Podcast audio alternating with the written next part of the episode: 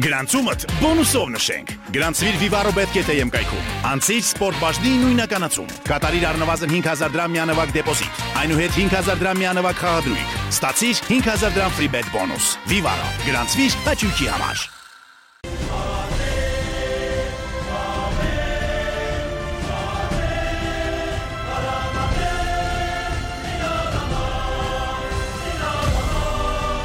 Բարև ձեզ հարգելի ֆուտբոլասերներ, հարգելի մադրիդիստներ, Պապա Պերես ոդկասթը շարունակում է տխուր ավանդույթը Ռեալի դժբախտ եւ դժգույն խաղերից հետո ոդկասթներ անելու եւ այսօր մենք հավաքվել ենք հերթական առիթով Սևիլայի հետ ոչ ոքի 2-2 ավարտվեց հանդիպումը Ալֆրեդո Դի Ստեֆանո մարտադաշտում եւ հարցերը շատ են իսկ այդ հարցերին այսօր կփորձենք պատասխանել երեքով ես Ռոբի Ռաուլես Իշխան Մելքոնյանը եւ մենք ունենք այսօր հյուր իդեմս Արամ Սահակյանի։ Ողջույն Արամ։ Ողջույն Ռոբ, ողջույն Իշխան։ Ողջույն։ Ինչպե՞ս եք տղաներ։ Մի քիչ նյարդային երեկվա գերեմոցիոնալ խաղից հետո, բայց չեմպիոնական մրցավազքը դեռ ասենց ողջա կենթանի է ու նաև այդ առումով մի քիչ մարտական մի քիչ մարտական, բայց նես տպավորությունը ոնց որ թոքերի արհեստական շնչառական ապարատը միացրած լինի չեմպիոնական մրցավազքին, որովհետև երեկվա խաղից հետո ինձ թվում է այդքան բախտավոր չենք մենք, որ Ատլետիկոն եւս մեկ անգամ սայթակի։ Սայթակելը չգիտեմ, իրականում ես ավելի շատ կուզեի Ռեալի մասին այսօր խոսել, եթե հիշում եք անցյալ խաղից հետո, Չելսի հետ խաղից հետո ասացի, որ շատ տրամաբանական ելք եղավ Ռեալը լավ չէր խաղում, բայց լրիվ հակառակը եղավ 3, կարծում եմ Ռեալը շատ լավ հանդիպում անցկացրեց երկու խաղակեսերում էլ, բայց հիմա էլ արդեն, չգիտեմ, վառը, մրցավարը եւ մրցավարը մրցավարը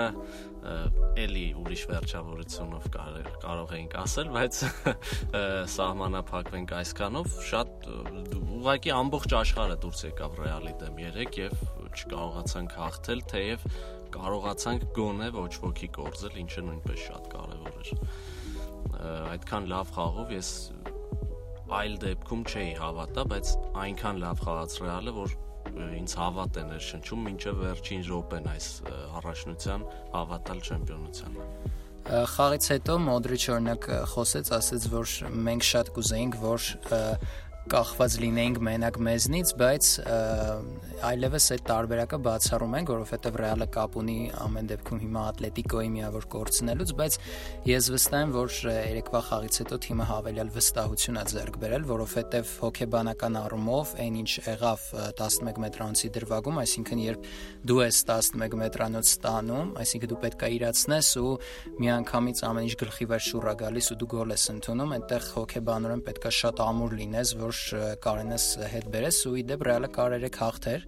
եթե Կազեմիրոն վերջին րոպեին այդ հարվածը դիպուկ լիներ շատ մոտ էր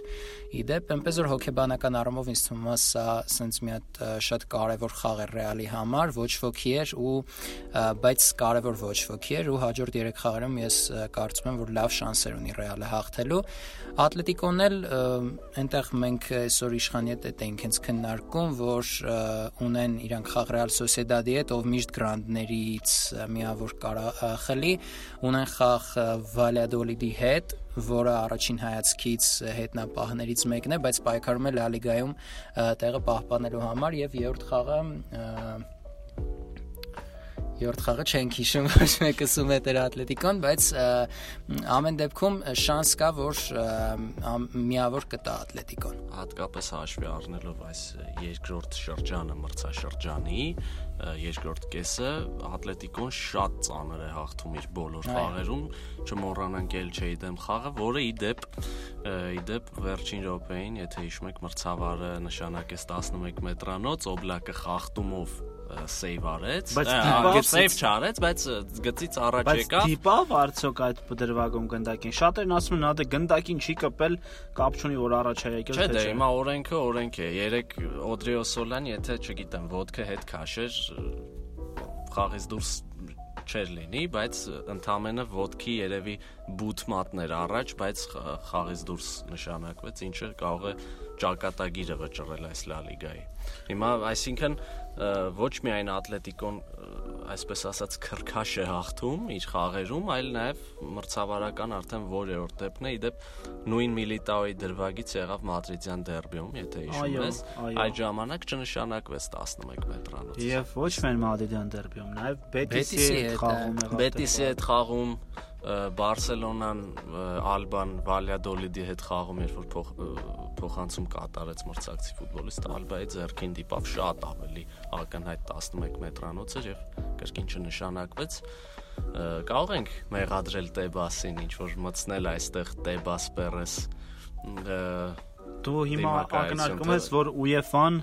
Տեբասի ձերքերով վրեժ է լուծում։ Ոչ միայն Ռեալից կարող է UEFA-ն ընդհանրապես կապ չունենալ, որովհետև Տեբասը նույնպես Սուպերլիգային շատ դեմ էր,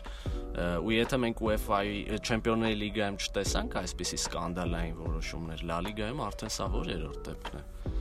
փորձուն վրեժ խնդիր լինել ռեալից։ Սա այս ամենը իհարկե ենթադրություն է, բայց ոչ այսպես հիմնավոր ենթադրություն է ամենայն դեպս։ Ես ինչ կուզեի առանձնացնեմ այդ դրվագի հետ կապված, որ խաղից հետո մրցավարին մոտեցան այսպես ֆուտբոլային կարգապահության էտալոն հանդիսացող երկու մարդիկ Ռեալից, Զիդանն ու Կրոսը, ովքեր ընդհանրապես չեն խոսում մրցավարությունից ու չեն դժգոհում։ Զիդանը ինչի մասին էր խոսում մրցավարի հետ, եմ պատմում ոնց որ ընդեղ եմ եղել էլ։ Մամուլը գրեց այդ մասին, որ Զիդանը կներես դու էիր Կրոսը Զիդանը մեկը Մենդիլի բանը։ Եվ Զիդանը ասել է, եթե կար 11 մետրանոց, ինչի առաջին խաղակեսում չնշանակվեց Ռեալի օկտին, որովհետև մենք տեսանք, որ Դիեգո Կարլոսները, եթե չեմ սխալվում, որ էլի գնդակը դիպավ ձերքին, վառով նայեցին, չնշանակեցին, կրոսը չգիտեմ ինչ էր քննարկում այդտեղ, բայց Գերմաներեն զուտ չես հասկանում։ Այստեղ կա իհարկե վիճելի հարց,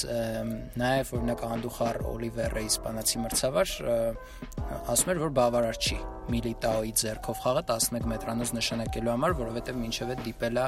Միլիտաոյի ուսին շատ վիճ, վիճելի դրվագ էր, հստակ ինձ թվում է չեն կարող ասել կար թե չկար, բայց այն որ ինչ որ ընտրովի էսպես չակերտավոր արդարադատություն կա ռեալի հանդեպ, ինձ թվում է դա ակնհայտ է։ Վենդետա Վենդետա իջավոր վեթինգ է պետք մրցավարների ասեմ ինձ թվում է UEFA-ում հստակ այդ կանոնը գրված է ուղղակի մի քիչ ուրիշ ձև են մեկնաբանում Իսպանիայում որ եթե ֆուտբոլիստի սեփական մարմնից ինչ որ ձևով անդրադառնում է գնդակը ու դիպում է դիպչում է ձեռքին այդ դեպքում 11 մետրանոց չի նշանակում որովհետև նա ժամանակ եւ հնարավորություն չունի այդ ձեռքը քաշելու եւ մանավանդ այս պարագայում երբ որ ինքը թռիչքի մեջ է եւ ձեռքը գտնում է բնական դիրքում, այսինքն ընթացքը դեպի վերև գնում եւ ինքը ոչ մի այլ կերպ չի կարող թռնել, եթե ունի երկու ձեռք, այդ պարագայում 11 մետրանոց նշանակելը ինձ թվում է դա անհեթեթություն էր։ Իսկ ինչ ասեց Զիդանը։ Զիդանը նաև ավելացրեց, որ մինչև վերջ պայքարելու են, ինչպես ինքը սիրում է ասել, ու առաջին անգամ ես լսեցի, որ Զիդանը բարկացած էր մրցավարությունից, էլի դա իրոք եզակի բան է, եկեք արձանագրենք, որ Զիդանը, հա,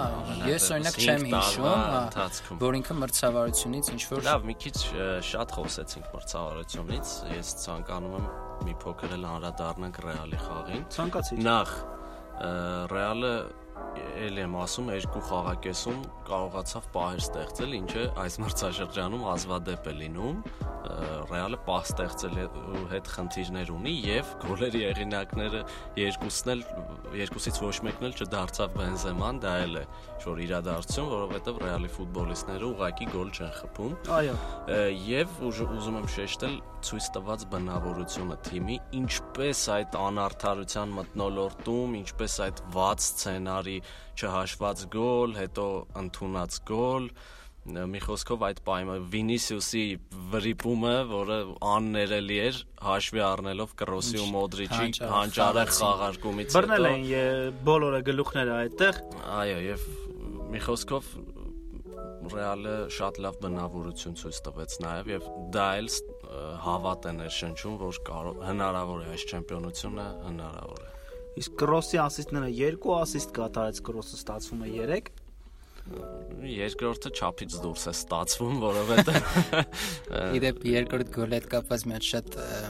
հետաքրքիր ու զվարճալի կոմենտ կար Twitter-ում, ասում է շատ հնարավոր է Էդեն Ազարը խփեց Ռեալի այս մրցաշրջանի ամենակարևոր գոլը, անգամ չմտածելով այդ գոլը խփելու մասին, որովհետև գնդակ ուղակի կպավ Ազարի ոտքին ու հայտնվեց դարպասում այտենց դրվակ կար, որ ասում են, որ ինքնագոլ է հաշվել։ Ես ինչքանը որ տեսա, առավոտյան Լա Լիգան փոխել է, խաղից հետո Կարլոսի անվան դիմացեր գրանցած, բայց հիմա ոնց որ արդեն վերջնական փոխել են Ազարի անունով, հենց որ +1 Ազարի գոլերը։ 5 Շատ խնդալու է որ Ազարի գոլերը ասում ենք 5 ոչ թե 50 Այո, դե Բեյլի հետ էին համեմատել առաջին մրցաշրջանները, Բեյլը 40 գոլ էր խփել իր առաջին երկու մրցաշրջանում, իսկ Ազարը էլի 40 մի 0 պակաս ուղակի։ Դա տխուր է իհարկե այդ հազարի վիճակագրությունը, բայց այդուհանդերձ հայտնվեց ճիշտ բան, ճիշտ տեղում եւ եւ կրոսի հարվածի տակ։ Երևի կրոս ուզում էր տենց վրեժ լուծեր հազարից հարվածել մի մի բան էլ ներ գնար են կողմ չխանգարել էլ նորմալ խաղան, որովհետեւ շատ էր գնում ոտի տակ, բայց ստացվեց ինձ թվում ավելի հետաքրքիր գոլ խփեց Ռեալը եւ կարողացավ ոչ ոքին կորզել։ Արչեվում կա 3 եզրափակիչ, այո, ինչպես կասեր Զինեդին Զիդանը։ Հիմա ասել այդպես, այո։ Իդեպ Ռեալի մոտ շատ խիտ է խաղացանկը, չնայած բոլորի մոտ է խիտ, բայց հիմա Ռեալը խաղաց Կիրակի ու եթե չեմ սխալվում, 5 շաբթի։ Հա, 5 շաբթի է, հաջորդ խաղը նորից Կիրակի է, այսինքն ու երկու խաղ դրսում ունեն, հիմա Գրանադայի հետ, հետո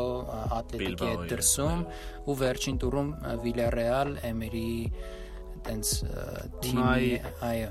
թիմի հետ, որը բավականին լավ վիճակում է Եվրոպա լիգայի ֆինալը դուրս եկել, բարդ է լինելու իրականում Ռեալին, բայց ես էլի կկրկնվեմ երեկվա խաղից հետո պետքա որ թիմը ասենց հոկեբանական պիկի վրա լինի։ Լավ, երեք Ռեալում բավական լավ տպավորիչ խաղ անցկացեց Միգել Գուտիերեսը։ Ինչ կասեք երիտասարդի մասին։ Նախորդ անգամ Անտոնիո Բլանկոից էինք խոսում, չէ, եթե չեմ սխալվում, որը մի քիչ ավելի շատ խաղաց այդ երկու խաղային, այս անգամ Միգել Գուտիերեսը խաղաց, ինչ կարծիք եք։ Ես կասեմ, որ ապագան հուսադրող է Ռեալի։ Պասոն երկրորդ կադրն ենք ունենում, որ կարող է գոնե օրինակ հաջորդ մրցաշրջանում լինել Մենդի Պայստայինը, բացի Գուտիերեսը կան նաև Արիբասը, որը շատ ավելի Արիբաս, որը շատ ավելի վաղ էր նշելի նորամ նորամուտը Arribas-ը նախորդ տուրում իդեպ ով որ չի դիտել անպայման փնտրեք YouTube-ում գտեք թե ինչ ֆուլ է խփել Կաստիլիայի կազմում Կիսադաշտից տեսնենք տեսնենք ինչպես են զարգանում իրադարձությունները։ Լավ, քանի խոս գնաց Կաստիլիայից, եկեք նաև Կաստիլիայի հաջողություններից մի փոքր խոսենք։ 4-2 հաշվով կամային հաղթանակ տարավ Կաստիլիան վերջին խաղում եւ play-off-ում։ Այո, եւ Ռաուլի գլխավորած Կաստիլիան խաղալու է play-off-ում սեգունդա դուրս գալու համար։ Իդեպ այն Ռաուլի գլխավորությամբ Ռաուլի թիմը նախորդ տարի նաև հաղթեց եւ երիտասարդական չեմպիոնների լիգան եւ փաստորեն Ռաուլը արդեն ունի մեծ պահանջարկ Եվրոպայում, ինչպես նաեւ դիտարկում է Զիդանին փոխարինելու տեխնացու որպես, բայց ես անկեղծ չեմ ուզի Զիդանին հեռացնեն կամ Զիդանը հեռանա ոչ մի դեպքում։ Գոնե այս մրցաշրջանից հետո թեև առհասարակ։ Չէ, դե առհասարակ հնարավոր չի, բայց այս այս մրցաշրջանից հետո հաստատ չէ, որովհետև պատճառ չկա Զիդանի արածը արդեն սխրագործություն է այս մահացած թիմով այսքան երկար գնալը եւ ուղղակի ոչ մարդկային առումով, ոչ մարզական առումով ճիշտ չի լինի Զիդանին անել։ Վերադառնալով Ռաուլին ասեմ, որ տա Աստված նորից վերադարձնել սեգունդա Կաստիլիայում, որտեղ ինձ թվում է արդեն մոտ 13 տարի է անցել այն բայց ինչ սեգունդայում էր հանդես գալիս Կաստիլիան, եթե միգուցե մի փոքր ավել կամ պակաս, որովհետև ժամանակին ես վայելում եմ այդ բերկրանքը եւ FIFA-ում սեգունդայում հանդես եկող Կաստիլիա B-ով էի սկսում խաղալ։ Ինչևէ, հուսանք ամեն ինչ բարեհաջող կստացվի Ռաուլի եւ տղաների մոտ, իսկ մենք ինձ թվում է կհանդիպենք վերջին խաղից առաջ տեսնենք թե ինչ կստացվի, ինչ կլինի այս երկու տուրերում, որ เป զի մենք էլ կարողանանք Վիլարեալի հետ վերջին եզրափակչից առաջ ինչ որ հույս էր հայտնել։ Հույսենք, որ այդ ժամանակ ամեն ինչ մենակ ռեալից կախված կլինի, այսինքն մինչև այդ Ատլետիկոն միավոր կորցրած կլինի։ Աստեն, եթե մենք չէինք անցկացնում ոչ ոքի այդ Ազարի գոլը չէր լինում, Ատլետիկոն կարող էր իրեն թույլ տալ խաղալ ոչ ոքի իր երեք խաղերից մեկում, բայց հիմա ոչ ոքի դեպքում Ռեալը կհավասարվի Ատլետիկոին ու առաջ կանցնի։ Չի բացառվում, բայց ինչպես տեսնում ենք այս տարվա Իսպանիա առաջնությունում այդքան էլ հակված չեն իրադարձությունները ծավալվել ի օգուտ Ռեալի, բայց ով կարող է ասել թե ինչ կլինի։ Ինչ հետաքրքիր այս բանին մեր հաջորդ մրցակիցների հետ կապված, այդ տեսեք Ատլետիկո Մադրիդ եւ Ռեալ Սոսեդադ ամսի 13-ին չգիտես ինչու Real Sociedad-ի գործակիցն է 6.30, իսկ Atletico-ին է 1.64։ Ունակ է արդյոք Real Sociedad-ը հաղթել Atletico-ին։ Թե ու լրություն։ Անկեղծ ավելի մեծ են սպասելիքները,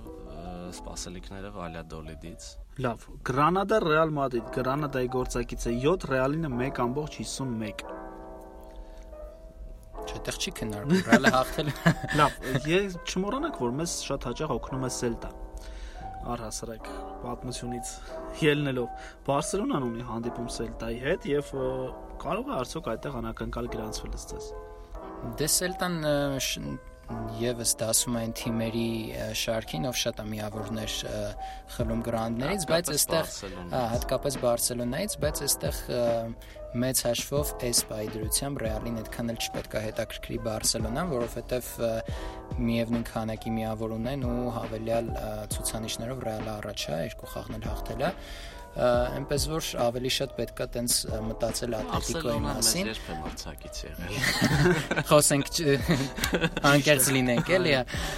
Իսկ իրականում ինձ թվում է այդ մենակ երկրպագուների շրջանում է լինելու թիմը այն կարգի պրոֆեսիոնալիզմի վրա, որ հաստատ իրանք կենտրոնանալու են իրանց խաղերի վրա, իհարկե տենց աշկի տակով նայելով թե ինչա կատարվում մյուս խաղերում, բայց եթե դու լրիվ կենտրոնանաս Ատլետիկոյի միավոր կորցնելու վրա, դու կկորցնես։ Զզվում եմ առաջնության վերջի տուրեից։ Գիտես ինչու։ Դու ամբողջությամբ խաղ չես կարող դիտել։ Հա, հա։ Այո, դե Ատլետիկոյի, Ատլետիկոյի մրցակիցը Օսասունան է։ Հա, երրորդ մրցակիցը Օսասունան։ Օսասունան։ Ով իդեպ Ռեալից այս տարի միավոր տարել է, բայց այդ խաղը հիշում եք, այն ձյուն էր շատ ուժեղ։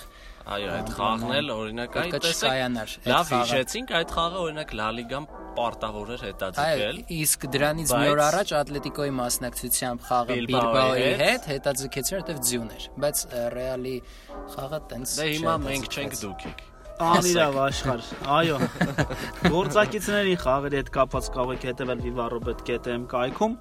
իսկ մենք արդեն կարծում եմ կհանդիպենք երկու խաղ անց հուսով եմ որ այդ ընթացքում ուրախ պահեր կունենանք միասին բոլորս կփորձենք